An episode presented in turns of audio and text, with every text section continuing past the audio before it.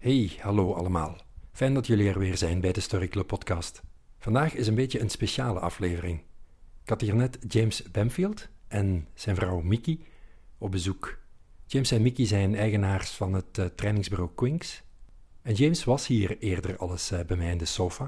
En dat gesprek kan je ook vinden op de Story Club podcast. Maar vandaag waren ze dus hier om te praten over hun relatie en over spiritualiteit en relaties. James Bamfield heeft ook een podcast, Spirituality for Today. Zeker een aanrader. En binnen die reeks plant James een mini-reeks over spiritualiteit en relaties. En hij zei mij: geen betere plek om te starten dan even het licht te werpen op mijn relatie met Mickey. Hadden een boeiend en diepgaand gesprek. En ik denk als jullie er gaan naar luisteren, dat het zeker kan dienen als spiegel om een licht te werpen op je eigen relatie.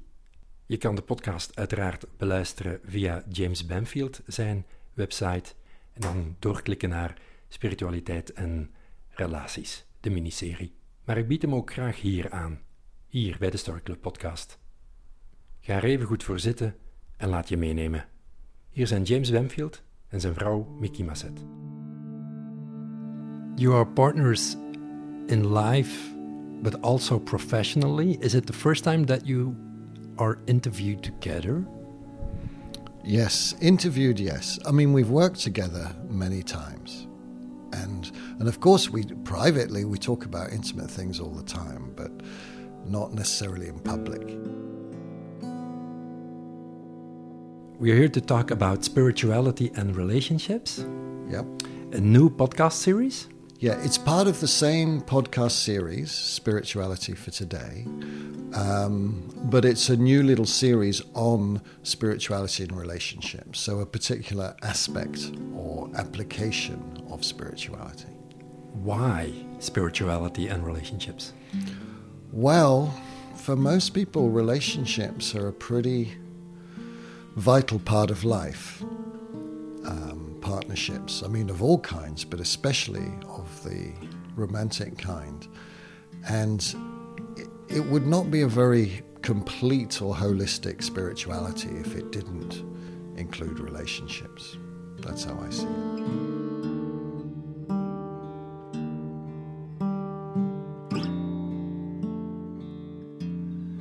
And I see it as a chance for me and Mickey, my wife, to show up in the world and show the world what we have in all its beauty and and ugliness and um, glory and shame. We don't want to pretend that we have the the answers to relationship. What we wanted to bring is every relationship is unique and it's a piece of art in progress. Um, it needs work, uh, it needs attention, and um, don't settle for less.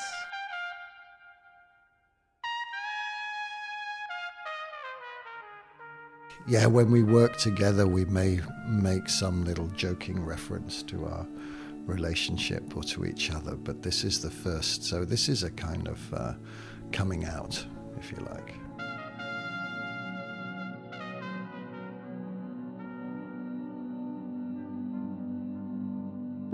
Also, in this podcast about our relationship, is that we, we do hope that this can inspire people to bring more meaning and depth into their relationship, um, more spirituality, um, but we also there's a there's a real humility because we are not presenting ourselves anything close to the perfect couple. I mean, we have our perfect moments, but you know, we talk about work in progress. Relationships are also messy, and ours is absolutely no exception. A lot of spiritual teachers talk about about spirituality without including themselves. And, um, well, including how spiritual they are, but not how um, that they also have broken parts and not talking so much about their personal life. And I think that is um, definitely what James is trying to do and what we hope to do uh, tonight about our relationship.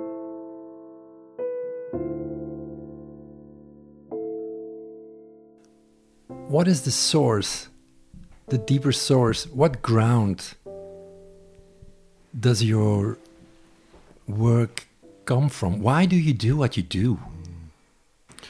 Well, the ground of my work is myself. So, you know, in terms of priorities in life, my own spiritual path has consistently been, if not the most important part of my life, certainly up there, you know, parallel with relationship, family, and so on. So the source of what I say is always my own experience. Now, I will then look for corroboration from other sources, you know, different spiritual traditions, and I've followed many different spiritual metho- methodologies, but I do feel more and more it's really on my own authority. In the sense of authority, in the sense of my own genuine experience. And so anything we say about relationships will have the same ground. Is that it's grounded just in our experience of a relationship. We didn't read a whole load of handbooks on how to do spiritual relationships. Could you say that doing this podcast on relationships and starting with your own relation, that it is a, a showing up of your part? Absolutely. Absolutely. That's, a, that's really how I see it.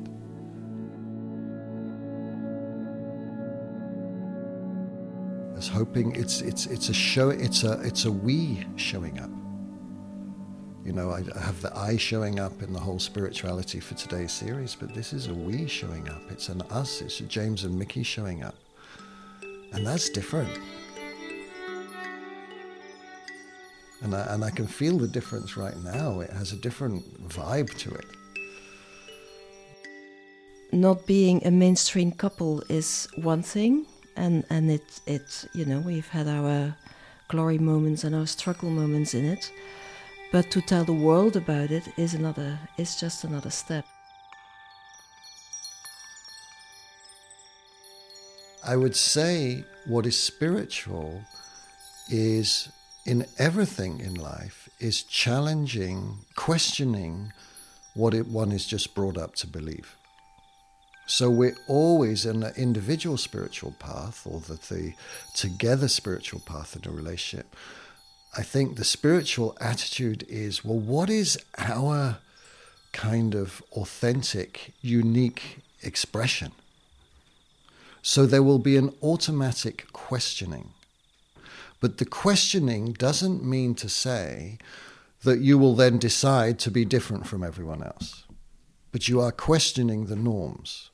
So we, have done that with everything, with, with, with Korea, with um, where we live, the, the, the way we bring up our children. So the relationship and sexuality, which is one of the big boxes and norms that one can be in or out of, is, is, is simply just another one of those areas to be questioned and just to make a conscious choice. So, if it's about monogamy or, or non monogamy, for example, you might, after a deep inquiry and looking at each other's needs and histories and desires and hopes, you may still decide to have an utterly monogamous relationship, but it's a conscious choice.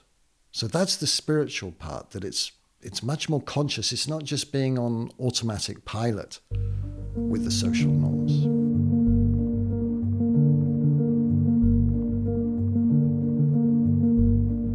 We give each other a lot of freedom. I think more freedom than average couples, and freedom that doesn't that doesn't mean do whatever you like, but you know, we spend a lot of time away from each other in groups. Uh, I, I, give retreats away.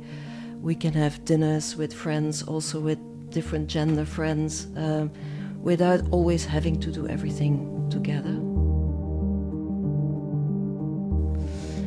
And the other the other one is um, that we don't have a monogamous relationship, uh, which we will probably talk more about later. So I think that's the two areas that I see that we differ the most from other couples.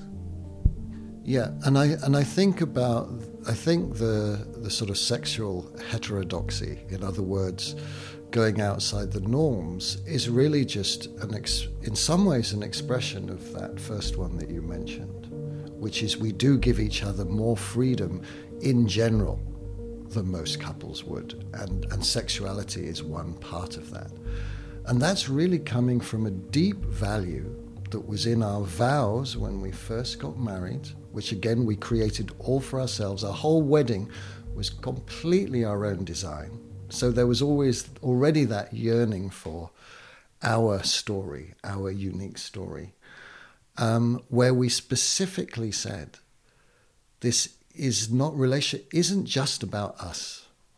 It's about honoring me honoring Mickey as an individual and Mickey honoring me as an individual and acknowledging that that individual path is just as important as the communal path, the path together. So, in a way, if I take um, the comparison with the hero's journey of, of Joseph Campbell, who says, like, everybody is on a personal path to find his bliss, mm-hmm. it's an individual path. Yeah. What you're saying is a relationship with two individuals has a journey on its own. Yes, exactly. It's its own journey, it's its own story, it has its own mythology. So often, you know, one of the great things that we do and we encourage other couples to do is look back at your history, your mythology. Remember all the events, all, you know, the early years, key events, and it's all part of that what we call an evolutionary story that happens both as an individual and as a relationship, and for that matter, as a, as a human race. so that's part of the general, what we call evolutionary impulse that is, is intrinsic to every part of the universe, and a relationship is no different, but it's a particularly intimate form of that. And the model, like growing up, waking up, showing up can be explored in a relationship as it can be explored individually. Absolutely. Growing up, absolutely. The growing up is like Mickey said, it's working through all our own old wounds in other relationships, relationships of our parents, working through our sort of the pathological side of our history to our relationships. Um, it's waking up, waking up to the whole sort of spirit, you know, transcendental aspect. I mean, to be honest, all growing up and waking up can even just happen in within sexuality because you can there's the growing up there's the difficult part of finding what are your needs what are my needs or my jealousy or your jealousy and working through that that's the growing up but it can also then open up in sexuality to some wonderful kind of divine, transcendent place beyond the two of us. That's more the waking up. And tonight's the showing up.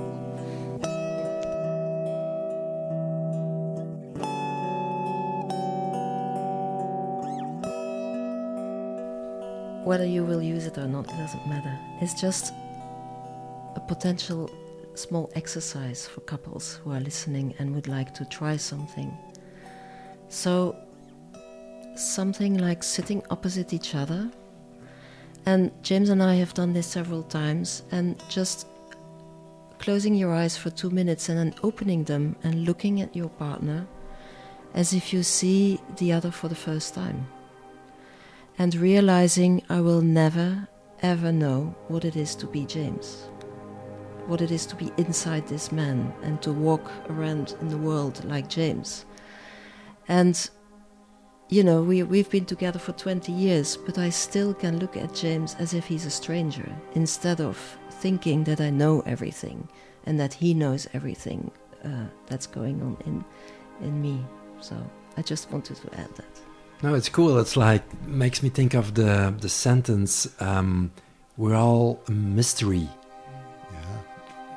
for each other, or how you say that? We're all we're all mysterious people, and then we can at least try to understand each other. Mm. But at the end, we will stay a mystery. I like the poetic sense of that. Thank God. And, and, and not try and domesticate each other. You know, don't turn each other into pets. You know, that's the worst you can do. You know, Esther Perel talks a lot about this, and I think she's inspired us quite a quite a bit. And I think you mentioned her too, Raf, uh, in yeah, one of our conversations. Like but she says you need a bit of mystery in the other. So I like it. If if Mickey goes off and and away for a weekend or something and has lots of sort of experiences, you know, with other people or in other contexts or, or cultures or this, that kind of it turns me on. You know, that, that has an eros to it. So eros I see as the evolutionary impulse under everything. And that's also need to stay alive in your relationship. Is is the relationship growing? Is it does does does it have a movement or are we stuck in a rut? About being fresh and new in the relationship, I mean it also applies to the sexual realm. Because I mean I, James and I have been um, I mean we have been on an evolutionary path uh, sexually, and I think the first year of our relationship um, you know, thinking that you know what your partner likes because you've had relationships and you think, you know, I didn't grow up talking about sexuality, so a lot happened without talking about it. But just meeting each other in a new way and just pretending that you know nothing about your partner and that you have to ask everything is also a new way of meeting each other sexually. sharing what you like and don't like is an inc- is a very confronting and intimate experience if you can hold it without judgment you, without judge not only without judgment but without you you know you need some strength to deal with that um, I mean if we're to get really personal you know I learned a lot from what Mickey told me about how good sex her sex was with another guy. Now, you might think that's just about the worst thing that you can hear. And it was awful. But in the end, after I got over the sort of feeling small and ashamed, and I realized, well, God, you know, she's got a point.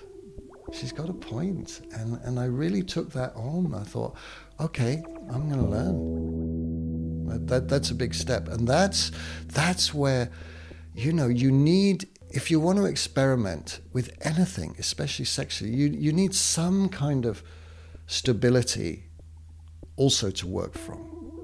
Do you see what I mean? You can't just experiment, adventure, experiment. You, it's, that's the balance between in the polarity of, of freedom and safety. So, given that we you know, the sort of traditional part of our relationship is that, if you like, we our intention is to stay with each other forever. That's the intention. Now we both know that that might not happen. So it's not some blind, sort of dogmatic principle, but it is an intention. So there's a, a there's a sense of longevity that, that we have time to, to work through these things. That one, the other one won't throw us out if we don't get it right straight away. Do you see what I mean? That so some of that safety is needed. I mean, I think I think there are, there are two ways. If, if you're going to have a non-monogamous relationship, there's there's the transparent way, which is mostly, I would say, what um, how can I put it, the spiritual world recommends. Um, and there's the sort of don't ask, don't tell. You know, what some people call the French way. Um, and we've gone mostly for the transparency way. because I think that's the way in which you grow the most. How is this it's, for you? It's more, it's easier than I thought. yeah. Yeah, absolutely. And I feel, you know, some of the things we say feel like, yeah, it sounds very simple. Um, Hmm. Uh, and at the same time, I also feel the 20 years of work that we put into it, and I feel proud of it. Um, Hmm.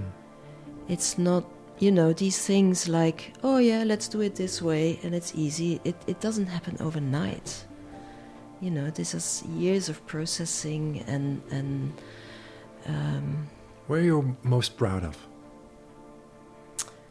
um, think I'm most proud of the fact that, that when James and I met, it wasn't so obvious that we were madly in love, but it was very obvious that we had something to do together. That we that it was relationship material, and that it would be um, that it wouldn't be easy. And the the biggest polarity between us is that James is really out there and adventurous, and and and you know the world is the the um, I don't know. Uh, Playground? yeah, play, yeah, yeah, playground, everything, and but also can also got really very, you know, before he met me, also got lost in it, of jumping from one to the other and not really finding um, place to land.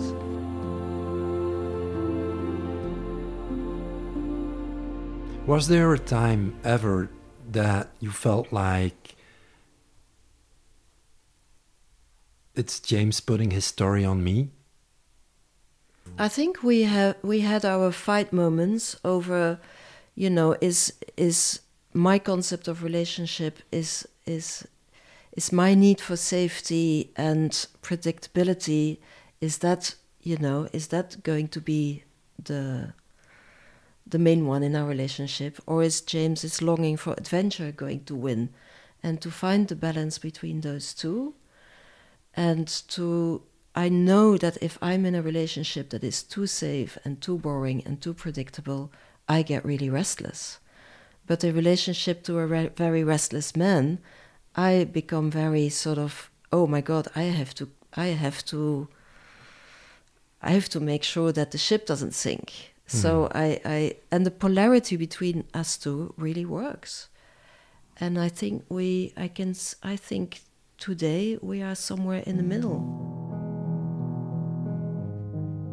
You see, I think most relation in most relationships there's some deep exchange that can happen in terms of growing up and evolution. And one of the deep exchanges between me and Mickey was Mickey taught me the power and beauty of a nest. And in a way, I, I taught her the power and beauty of freedom. And we've both moved towards each other with, with you know, with, with a lot of bruises. Um, but I think some, and now, as Mickey said, we're, we're more in the middle and, and we may even exchange roles in that. Um, and the, the other thing I just want to say is um, because I think this is a common misconception. You see, when we talk about adventure, adventure and the adventurer, the, the, the association people have is someone who just doesn't care, or what the hell, I'm going to do it. But actually, that is a very wrong picture of risk taking. Because risk taking, which is adventure, seeking adventure, is actually makes you really vulnerable. So if I say to Mickey, oh, I, I would like to see if we can um, experiment in some way with another couple. You know, that if I come with a need or a desire like that, that makes me really vulnerable. so it's it, it it's just a, an important point because I certainly for, for myself I've realized that although I have that risk-taking adventurous side I'm also really sensitive and scared of being rejected of of of not having my needs seen or you know so it's it's really taken us a while to a long time to find each other in this and really honor and value those different needs and see the strengths and pitfalls of, of both of them.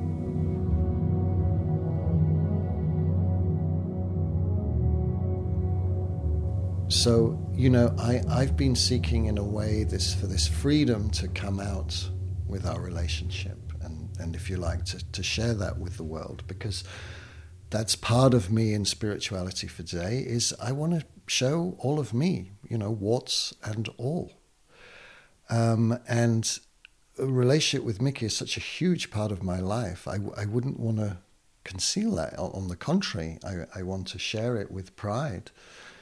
Um, and my way is just to, I'm not good at thinking of possible negative consequences of things. So there is something a bit um, young in me in that way, or foolhardy, we, we, we say in, in English. Um, and but it's really good because Mickey brought more the voice of safety.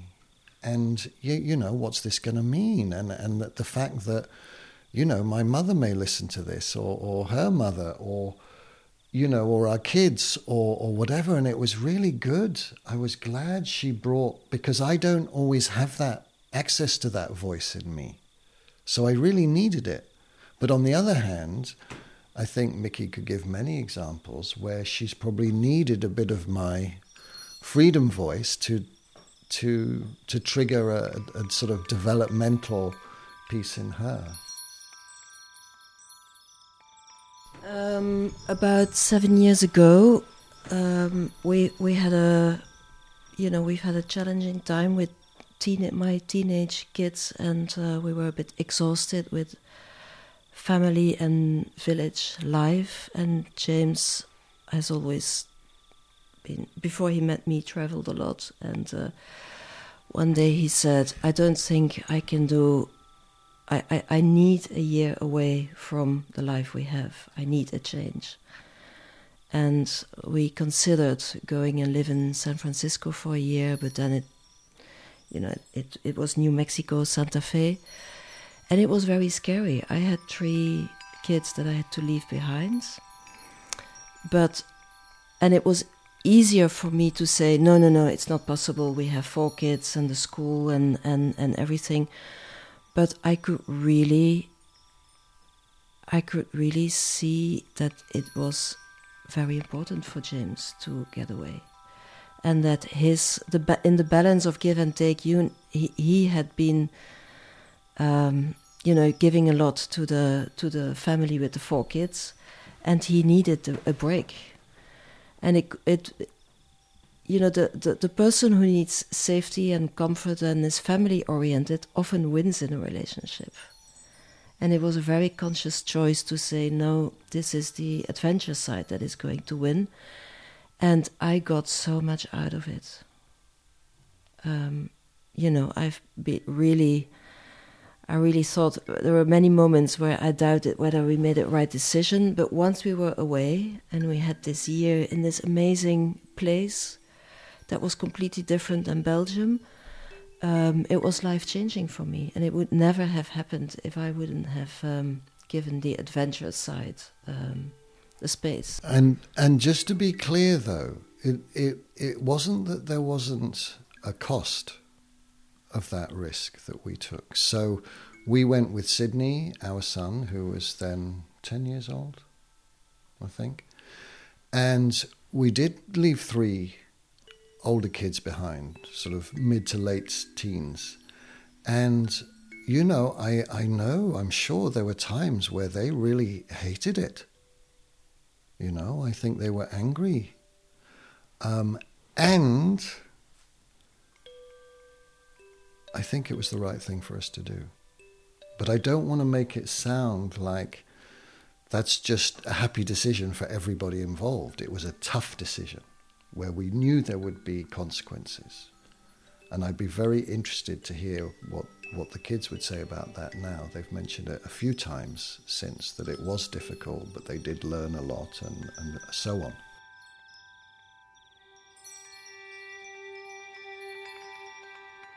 When there's no mystery in life, for me, spirituality is dead. When there's no mystery in this moment, in, in, in nature, in, in my relationship, there's no sort of deeper level that we can't quite grasp. So, even meditation, one of the reasons I meditate, I don't meditate to, to be calm and zen. I meditate to keep the mystery alive.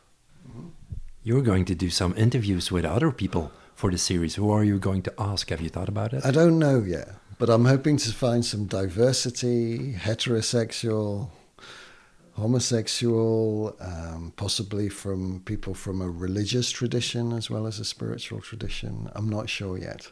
if we launch the trailer, can people apply? yes, absolutely. That's a great. Cool. I love that idea. And as we're saying this, I think, God, it would be so good to have a, a, question and answer session one day where people can like phone in with questions. I think that would be really funny.